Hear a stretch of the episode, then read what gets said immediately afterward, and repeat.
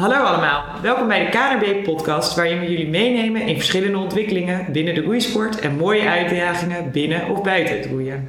Vandaag hebben we Kirsten Wielaar te gast in onze podcast. Zij is oud-roeister van het Egon Nationaal Roeiteam en met haar gaan we het hebben over haar alternatieve Road to Tokyo. Welkom Kirsten. Uh, jij bent uh, lid geweest van het Egon Nationaal Roeiteam, uh, maar naast ex-toproeister ben je ook gewoon Kirsten. Dus vertel, wie is Kirsten? Ja, nou, ik, ik ben geboren in Zeist en ik ben op mijn elfde begonnen met roeien bij Cornelis Tromp. Uh, hele leuke juniorentijd daar gehad en uiteindelijk doorgestroomd naar Neerhuis. Ik ging in Amsterdam studeren, bewegingswetenschappen. Uh, ging bij Neerhuis roeien en belandde eigenlijk al vrij snel in het ja, nationale roeiteam op mijn twintigste. Dus 2010. En uh, ja, eigenlijk sindsdien uh, voornamelijk wel deel uitgemaakt van het, uh, ja, van het ANR, ANRT. Um, en op het moment geef ik Nederlandse les aan mensen die in Nederland wonen of naar Nederland toekomen voor de liefde of voor werk. Top. Dus dat is nu eigenlijk wat ik aan het doen ben. Leuk. Ja. Totaal iets anders uh, ja. dan uh, met sport bezig zijn in ieder geval. Ja. Maar ook niet helemaal. Uh, want jij, nou, het is niet gelukt om naar de Olympische Spelen te gaan als roeister. Maar toch ga je naar Tokio. je bent van plan om van Nederland naar Tokio te fietsen. Ik vind het bizar en tegelijkertijd super tof. Hoe ben je tot dit idee gekomen? Neem ons mee. Ja, ja, ik vind het zelf dus best lastig terughalen hoe dit idee werkelijk is ontstaan. Ik denk dat ik ergens getriggerd werd doordat ik van dichtbij zag dat heel veel duurwerk best wel loont. Um, dan heb ik het over de mannen scullers van het ANRT. Waardoor ik wel eens dacht van, god, het zou toch vet zijn om gewoon een periode heel veel uren nou, in de boot of op de fiets door te brengen. En heb ik wel eens nagedacht van ja, dan wil ik de, Amazone afroeien of dan de Rijn. Uh, en dan gewoon eens kijken hoe fit ik daarvan kan worden. Dus heel erg nog in die modus van uh, hoe word ik sterker en fitter? Want ik denk, uh, ik ben nooit de sterkste geweest bijvoorbeeld op een ergometer. Dus ik, heb altijd moeten zoeken naar manieren om, om beter te worden op dat gebied. Dus dat is enerzijds een trigger geweest en anderzijds uh, werd ik uitgeselecteerd en dacht ik, goh, als, dat, als het inderdaad niet meer lukt om er alsnog bij te komen, wil ik er graag heen. En nou ja, mijn team aanmoedigen, maar ook mijn vriend die uh, dus in de mannendubbel 4 zit, uh, Dirk Uitenboogaard. En uh, ja, daar wil ik dan bij zijn, maar dan liefst ook met een verhaal. en daarbij zijn zij natuurlijk heel veel trainingskamp. Dus is ja. het wel de periode voor mij om ook iets te doen. Ik ben nog flexibel qua werk, heb geen vaste baan. Dus alles bij elkaar ontstond dit plan. Dat ik dacht, ja, ik, ik wil er op de fiets heen. Fietsen vind ik mooi. Je ziet echt alles als je op de fiets bent. Het is natuurlijk een slow travel, dus je bent echt waar je bent en uh, je maakt contact met mensen. En dat vind ik een hele toffe manier om uh, nieuwe landen, nieuwe plekken te ontdekken. Ja. Dus alles bij elkaar ja, zorgde voor dit idee eigenlijk. Cool. En hoe reageerde Dirk op dit idee? Even.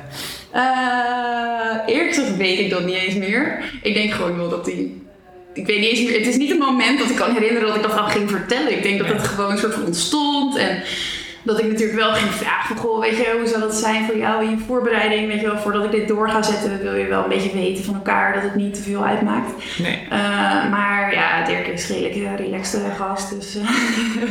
Die dacht, ga lekker. lekker, en dan, nou ja, je, je hebt dat idee uh, bedacht. En wat ga je dan doen? Hoe is het idee eigenlijk tot een plan gekomen? Want ja, je vertrekt over een week, dus ik ga ervan ja. uit dat er een plan is. Ja, gelukkig wel. Ja, nou ja, het, begint, het begon bij mij in ieder geval met het uitzoeken van een goede fiets. En toen kwam ik erachter dat een hele toffe fietsenwinkel in Amsterdam zit, de vakantiefietser. Die zijn erin gespecialiseerd om mensen van ja, wereldreisfietsen te voorzien. Uh, dus ja, daar kwam ik op een gegeven moment uit op een Koga World Traveler. Nou, dat is de fiets die je nodig hebt. Oké. Ehm, nou, en dan, dan ga je natuurlijk wat rondvragen van, nou, hoe doe je dat dan? Wat heb je nodig? En dan kom je op internet allerlei blogs tegen en verhalen. Er is zelfs een boek van 100 vrouwen die solo over de wereld hebben gefietst. Dus uh, er is informatie. Ik ben zeker niet de enige. Nee, tof. Ja. ja. En dan roei je een beetje in zo'n wereldje. En ik zit nu zelfs ook in een appgroep met iets van 15 mensen die. Um, die ook van plan zijn reizen te maken, ofwel dit jaar of uh, komende jaren. Uh, ook een beetje dezelfde kant op. Dus het heet Zij de Route 2020, zo'n okay. groep. Van mensen die ik nooit heb gezien, maar waar je wel paklijsten door krijgt. En, uh, en is dat dan all over the world of is dat echt alleen Nederlandse vrouwen die dat uh, Nee, dat is een beetje ja, gewoon Nederlandse en Belgische mannen en vrouwen. Dus oh, ja. de communicatie is in het Nederlands, ja. Ja, tof. kom je die dan wellicht nog ergens tegen? Of, ja, ja, ik ga wel kijken of, of ik met een aantal of een meet-up kunnen doen. Maar het is natuurlijk best wel moeilijk om je routes en je precies je tijd te, ja, gelijk te trekken. Uh, maar als het een beetje lukt, zou het wel heel leuk zijn. Cool. En je zegt uh, je fiets, ik kan het niet eens meer naspreken. Dat is de fiets onder de fietsen. Waarom is dat uh, de fiets die je moet hebben? Het is een, een Koga. Dus ja, het is sowieso natuurlijk een leuk Nederlands merk. Maar hij is heel, heel stevig, heel robuust en toch best licht. Dus je kan er heel veel tassen aan hangen. Um, uh, en toch voelt dat ik heb gisteren met die enorme storm gefietst. Ja, maar en, dat ga je straks ook krijgen ja, natuurlijk. Ja, dus ik ben ook wel nu juist een beetje de uitdaging aan het opzoeken wat dat betreft. Uh, maar je voelt gewoon, hij komt er wel doorheen of zo. En dat is denk ik uh, de stijfheid van het frame. Maar ook wielen die je heel makkelijk kan vervangen. Uh, onderdelen die makkelijk uit elkaar met een paar sleutels. Dat soort dingen is rekening mee gehouden. Dat je niet een hele gereedschapskist mee hoeft te zeulen straks nee. de wereld over. Nee, want hoe lichter je bent, hoe beter eigenlijk, toch? Ja, zeker. Ja, ja. En heel licht gaat het niet worden. nee, want hoe ga je, nou ja, misschien gaan loop ik al een beetje vooruit op de zaak hoor, maar hoe ga je dat doen? Want neem je alles mee? Uh, denk je, ik haal ook gewoon wat ik onderweg zie? Uh, hoe bereid je dat voor? Ja, ja, uh, toch de essentials zorgen dat je gewoon altijd ergens veilig kan slapen. Dus je hebt een tent, je hebt een slaapzak, warme kleren, uh, matje. Uh, en een wat voorraad aan eten. En ik heb een, een pannetje, een kookstelletje op spiritus. Hm. Um, en daarmee kan ik gewoon een paar dagen off-grid, zeg maar. Um, en daarnaast uh, moet je gewoon elke keer als je ergens in de bewoonde wereld bent, goed kijken, nou wat heb ik nog nodig? Um, hoe staat mijn fiets ervoor? Ik neem wat reservespullen mee, maar ik kan niet alles gaan meezeulen. Dus gewoon dat je elke keer even een check doet. Oké, okay, uh, ik heb weer een kans om dingen te verzamelen en die kans pakken. Ja. ja. Tof. Ja, ik, kan het me nog steeds niet voorstellen. En we zitten hier in de Finishtoren en het regent keihard. En dan denk ik, jij zit zo meteen gewoon op die fiets en denkt, dit is leuk. denk je dat dan eigenlijk? Uh, nou ja, eerlijk gezegd wel. ja. Nou ja, ik, ik, ik, ja, een beetje die elementen zeg maar gewoon. Dat vind ik ook wel weer, ik kom dan in een soort modus ik voel dan gewoon wel ik leef. ja, uh, het, het is ook overleven ja. en leven eigenlijk. Ja, hè? Ja, het is zo puur zo. En ja, ik heb wel inmiddels ook wel fijne spullen verzameld. Dus ja, weet je, dat komt allemaal wel goed. Het moet vooral gewoon niet... Uh, en een keer een uitstapje naar een hotel, is dat een optie? Of zeg je nee, als we dit doen, dan is het ook gewoon altijd tentje en nou, back to basic? Ja, ik wil niet te streng voor mezelf zijn daarin. Uh, ik zat zelfs te denken dat ik misschien ergens in nacht drie of vier uh, een, uh, een Airbnb'tje of zo ga, ga zoeken. Omdat ik toch nog een aantal dingen nog moet regelen. En dan kan ik gewoon even in mijn eentje in een bubbel met mijn laptop alles nog even uitzoeken. Um, en dat zal ja, ik denk onderweg ook wel gebeuren. Dat af en toe, ja, als het echt alleen maar nat is en uh, het waait heel hard, dan is het best wel moeilijk om je tent uh, weer op te zetten en af te bouwen. Dus ik denk dat soort momenten ga ik ongetwijfeld wel een keer in een hotelletje of zo. Maar dat ga ik echt onderweg ondervinden. Denk ja. Ik. Dus die laptop gaat dus mee? Ja, oh, ja, ja, ja, ik denk voor wat planning. En ik geef dus die Nederlandse lessen. En ik heb een beetje afgesproken met mijn studenten van... Nou, mocht er een kans zijn om elkaar nog een keer te spreken... en een soort van les te doen... dan lijkt me dat ook best wel leuk. Het zijn hele leuke mensen, sowieso leuk om ze te zien... en ze nog weer even te helpen en te kijken hoe het gaat. Ehm, dus ik wil, ja, ik, ik, ik heb eventueel nog dat ik denk, nou misschien laat ik op een gegeven moment ergens achter of stuur ik hem terug. Maar voor het eerste deel ga ik hem wel meenemen. Ja. Tof. En nou ja, je zei net al, hè, als ik dan aan het fietsen ben, dan voel ik me puur in mijn element uh, leven eigenlijk. En dat is denk ik ook wel uh, iets waar je dit voor doet. Uh, want je doet het natuurlijk om naar Tokio te kunnen en een uitdaging voor jezelf. Maar er zit ook een missie achter deze, deze route. Want je wil eigenlijk bewustzijn creëren, als ik het goed heb, om de wereld een stukje mooier te maken. Zoals eigenlijk hoe jij het vertaald hebt. Door dat um, nou ja, met jouw geld op te halen voor onder andere boerderij Bodemzicht. Uh, kun je hier wat meer over vertellen? Hoe maken zij de wereld een stukje mooier? Ja, ja, ik ga even een, eh, een lastige term droppen. Uh, Dat mag. regeneratieve landbouw. Uh, en eigenlijk gewoon kort verwoord is dit het omzetten van hele droge, verwoestijnde grond. Dat je die weer omzet in vruchtbare grond waar je weer eten in kan verbouwen, eh, waar weer biodiversiteit terugkeert, waarmee je koolstof kan opslaan, waarbij water gewoon de grond inzakt in plaats van wegspoelt. Um, en dit is een bepaalde manier van omgaan met de natuur. Uh, er is ook wel een woord permacultuur, is een beetje de leerschool, hoe je dat dan aanpakt. En um, eigenlijk wil je gewoon juist gebruik maken van waar de natuur zo goed is. En dat is eigenlijk gewoon het in balans brengen van al die verschillende organismen met elkaar. Zorgen ze samen dat ze sterk zijn, zeg maar.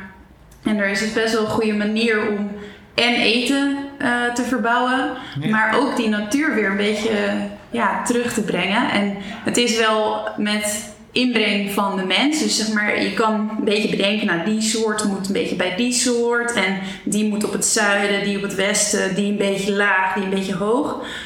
Um, op zo'n manier kan je een beetje plannen dat je eigenlijk heel efficiënte opbrengst hebt uit de natuur. En toch ook weer heel veel uh, ruimte geeft om voor dieren en planten om te leven. En um, ja, dat is wat Bodemzicht, boerderij Bodemzicht heel goed doet. Die willen een soort van ja, voorbeeld schetsen in hoe je en een economisch goed verdienmodel kan koppelen aan uh, ja, dus die regeneratieve landbouw. Dus het weer zorgen voor de natuur en weer samenwerken met die natuur. Um, en ja, ik ben op het pad van hen gekomen door gewoon via internet een beetje te zoeken naar hoe dat allemaal moet. En toen zag ik zo, die doen dat heel tof. Uh, en dat idee wil ik gewoon proberen mensen enthousiast voor te maken. Dus ik heb een site kirstenwielaert.com en daar ga ik een beetje dingen op delen. En uh, ja, ik hoop een beetje dat gewoon door namensbekendheid te geven dat dat al een beetje werkt. En dat mensen denken van, oh tof, weet je, het kan ook anders. Want is dat de enige plek in Nederland waar dat nu op die manier gebeurt? Of? Ja, er zijn meer initiatieven. Uh, Ook wel wat grotere bedrijven, zeg maar. Maar zij zijn vooral... Hun missie is gewoon het laten zien. Dus uh, ze gaan ook allerlei rondleidingen geven, een beetje in de lente, zomer. Uh, zodat mensen gewoon eens kunnen kijken van, goh, hoe, hoe gaat dat in zijn werk? En ja. dat is uiteindelijk zo tastbaarder. Ik kan dit allemaal vertellen, maar ik begrijp ook wel dat je een beetje denkt van, ja, mm, het zal wel. Ja. Uh, en wat zij willen is, ja, is dat gewoon laten zien. Ze maken toffe filmpjes, die deel ik ook op mijn site.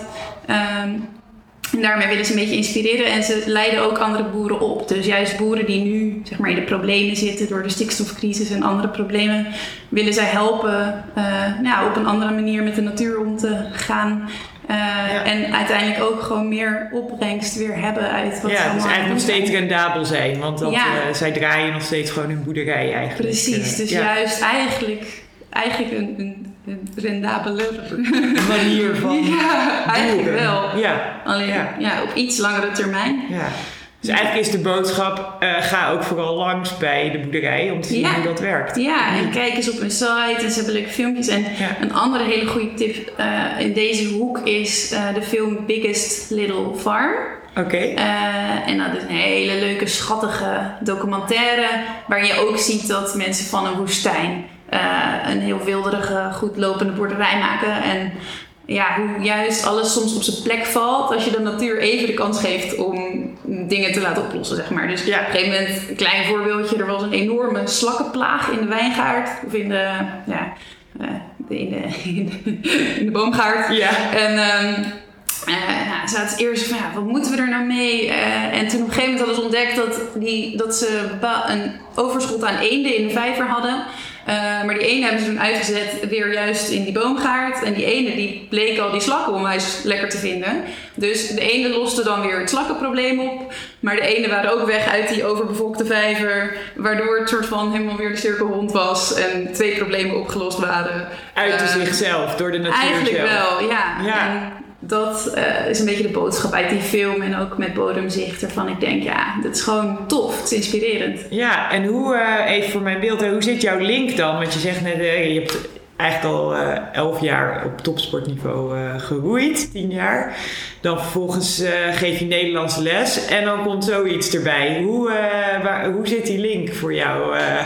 ja. in deze hoek? Nou, ik denk dat ik gewoon altijd al wel liefde voor de natuur heb gehad. En uh, ik kwam hierbij eigenlijk gewoon via documentaires. Want als je roeit heb je ook heel veel tijd waar je bij moet herstellen. Yeah. Dus dan ga je documentaires kijken. Ik dan.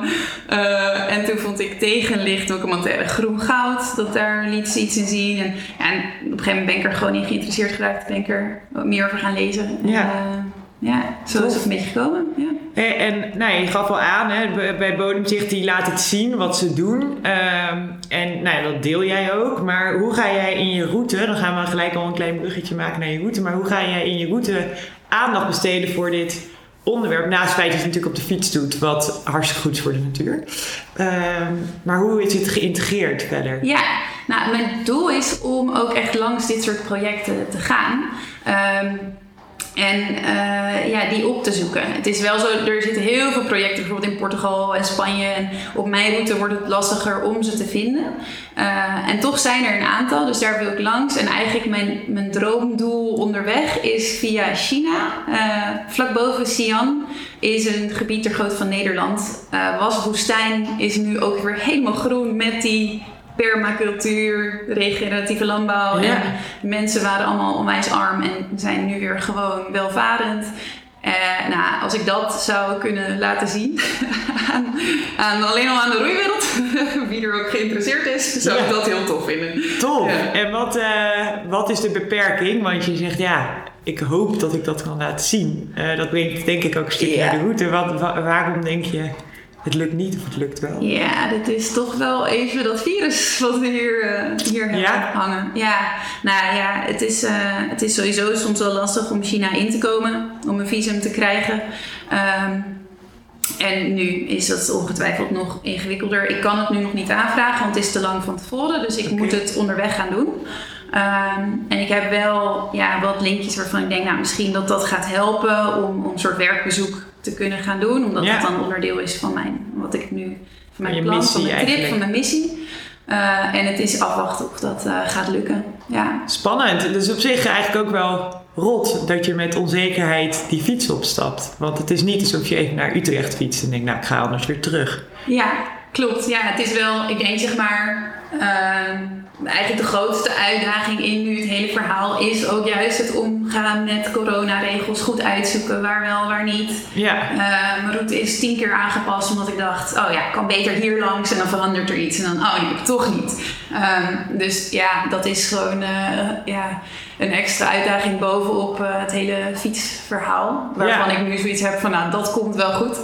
Ehm, als ik maar zorg dat ik gewoon goed met al die regeltjes en zo kan omgaan. ja. Eh, ja. Want hoe, ehm, waar sta je nu? Hè? Je zegt, ik heb tien keer die route aangepast. Eh, waar, hoe gaat je route eruit zien? Neem Ja. eens mee. Je start in Amsterdam, neem ik aan. Ja. En waar ga je, en je eindigt in Tokio. En wat zit daartussen?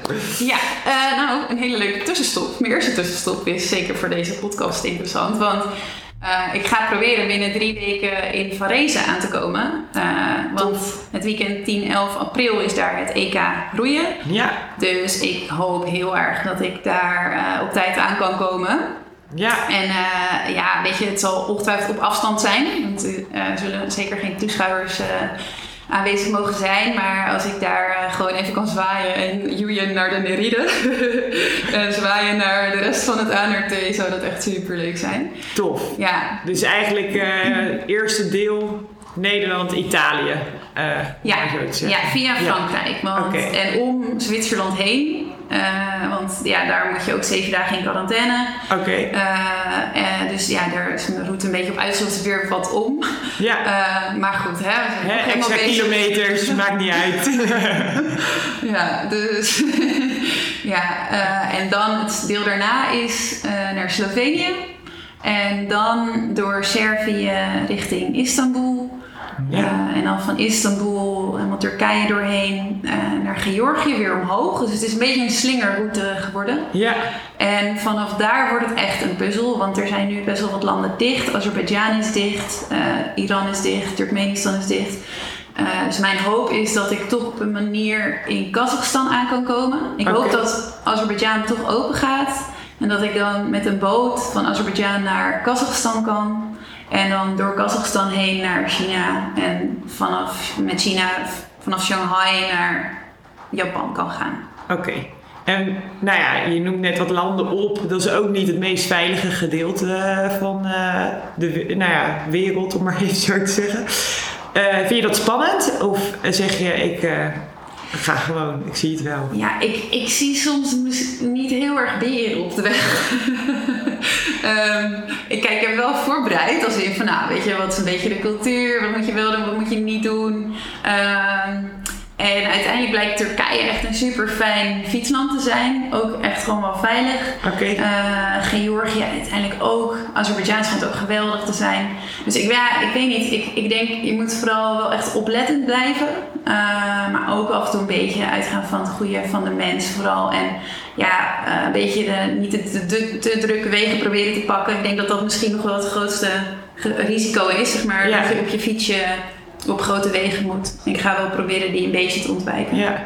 En wat zijn je escape mogelijkheden? Stel, Azerbeidzjan is nog, nog dicht. Eh, wat ga je doen? Ja, dan zeg maar als echt Azerbeidzjan ook dicht is en Iran en zeg maar die hele hoek, dan is denk ik de enige optie om toch ergens een vliegtuig te pakken. dat zou ik heel jammer vinden, maar als het uiteindelijk wel zou betekenen dat ik bijvoorbeeld in China langs dat project zou kunnen en uiteindelijk toch naar Tokio kan, ja, ja dan, dan, eh, dan is dat een accepteetje denk ik.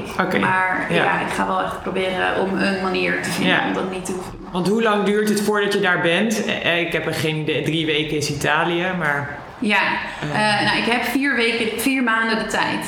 Oké.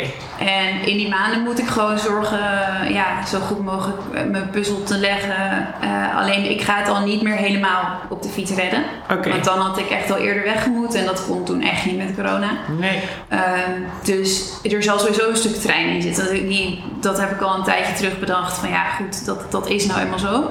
Ja. En ik heb dat nu bedacht in Kazachstan en een stuk China. Een beetje het gebied bij de Oeigoeren eigenlijk vooral. Ja. Eh, dat is dan weer een gebied waarvan ik denk, nou, laat mij daar maar even snel doorheen gaan. ik denk dat dat Die uitdaging zie je niet zo zitten. Nee, nee. Nee, dat is allemaal erg genoeg daar. Dus eh, ja, dus ik, ik denk dat, dat, eh, dat daar sowieso een trein in komt. En ik hoop dat het daarbij blijft eigenlijk. Ja. Ja. Tof. En eh, heb je voor jezelf dat je denkt, oh ja, zo ga ik, dit gaat het zijn. Heb je een voorstelling of heb je gewoon zoiets van, joh, ik, ik zie het allemaal wel. Ik ga gewoon. En Ja, dat laatste. Ja. Ja. ik heb natuurlijk wel een beetje een voorstelling, maar ik hou ook wel weer van verrassingen en van het gewoon eh, op me af laten komen. En het leuke eraan is denk ik juist het dealen met wat je tegenkomt. En daar heb ik gewoon ook heel veel zin in. ja. Ja. En ga je alles alleen doen? Ik heb begrepen dat er wellicht eh, een, een familielid mee wilde, toch? Klopt. Maar is dat nog steeds het plan? Of zeg je nee, ik ga gewoon Ja. al bij mijzelf? Ja, dat is dus deze week ook een beetje de regelmodus. Nog om te kijken of hij inderdaad, eh, nu mijn route echt wel concreet begint te worden, eh, vanaf Istanbul mee kan door Turkije. En dat zou Ja. ook wel echt ja, leuk zijn om dat stuk samen te doen. Snap ik. Eh, en er is heel leuk is een meisje die heeft mij gevonden via Instagram en die heeft ook fietservaring, ook solo. En die wil misschien een stuk in Servië aanhaken. Oh, wat Dus, cool. Ja, Ja. dat zou super lachen zijn. Eh, Ja. Dus dat ben ik ook nog aan het kijken. Er zijn nog wel meer mensen die misschien ook nog wel ergens. Alleen dat is pas makkelijk als ik heel duidelijk weet wat ik ga doen voor mensen Ja. aan te haken. En Ja. dat, dat, ja, door, juist door corona is dat natuurlijk heel lang een beetje onzeker gebleven. Ja, en eh, daarover, hè, je route, ben je te volgen? Weten we waar je bent? Kunnen we, heb je een tracker? Heb je, hoe weten we dat? Ja, nou ja, sowieso dus mijn site, kirstenwielaert.com. Uh, en mijn Instagram, daar ga ik dingetjes op delen. Dat is ook Kirsten Wielaert, dat is heel simpel. Uh, Facebook, Kirsten Wielaert. Alles Kirsten Wielaert. Google Kirsten Wielaert. ja. ja, en ik, ik moet nog even kijken of ik Polar Steps ga gebruiken. Dat zou kunnen. Dat is een app. Of Komoot voor de routeplanning. Ja. misschien zelfs wel Strava. Ik moet even een keuze daarin maken. En dat, dat valt te zien op mijn site welke dat gaat worden. Ja. Ehm, want ik moet een beetje kijken van, het kost natuurlijk allemaal data om dat te updaten en GPS-gegevens en energie. Uh, ik moet even nog uitzoeken welke de minste energie kost, zeg maar. Ja. Uh, maar ik ben zeker, zeker te volgen, ja. Leuk. Uh, wij gaan af en toe ook wat van jou delen. Dus dat komt zeker goed voor mensen als ze Kirsten Wielaert niet kunnen vinden. maar de Roeibond wel. Ja. Hey, en we hadden ook wat vragen uitgezet. Of we hadden eigenlijk de luisteraars of de roeiwereld gezegd... heb je nog een vraag voor, voor Kirsten? En eentje daarvan was de vraag... hoeveel binnenbanden neem je mee? ik ben benieuwd wat de gok hierbij is. Twee. Twee? Ja. Zo, dus jij denkt, uh, ik uh, geen lekker band voor Kirsten, zeg maar. ja, nou, het is wel ook echt een fiets van mij, zeg maar. Die, ik heb hele stevige banden, dus die zijn wel bedoeld om echt ongeveer 10.000 10 kilometer mee te kunnen. Nou, okay. Daar reken je niet op, maar uh, ik denk twee. En dan, kijk, als er eentje lek gaat, dan hoop ik dat ik nog wel op een plek ben dat ik er nog een nieuwe bij kan. Of dat iemand er eentje kan sturen. Ja, spannend. Nou, ik, eh, en anders kan je altijd alles nog kopen onderweg. Of uh, denk je dat ja, dat niet, in, in principe ga ik daar zeker begin vanuit. Je wil altijd iets in voorraad hebben, maar je moet ook weer niet te veel gaan meezullen. Nee. En er was nog een uh, vraag ook uh, over je crowdfunding. van, nou ja, waar, waar sta je nu? Hoeveel is er nog nodig om ja, echt je doel te bereiken? Want dat was 10.000 uit mijn hoofd? Of niet? Nee, meer? Ja, ik heb, ik, mijn doel uh, voor mijn crowdfunding is 25.000 inclusief oh, ja. uh, partners en, en sponsoren. Ja. Uh, nou, Kiwa heeft een bijdrage gedaan, dus de sponsor van de Vrouwenacht heeft mij ook een bijdrage gedaan. Ja. dus, dat, daar, ja, dus dat is wel fijn. en, maar ik ben eigenlijk nog wel op zoek naar wat grotere partners, zeg maar, om echt visa en accommodaties, als het nodig is ja, mee te kunnen financieren. En ik hoop eigenlijk dat die crowdfunding namelijk vooral dus naar uh, regeneratieve landbouw, onder andere bodemzicht gaat. Ja. Uh, maar hij staat nu op 7000 vandaag.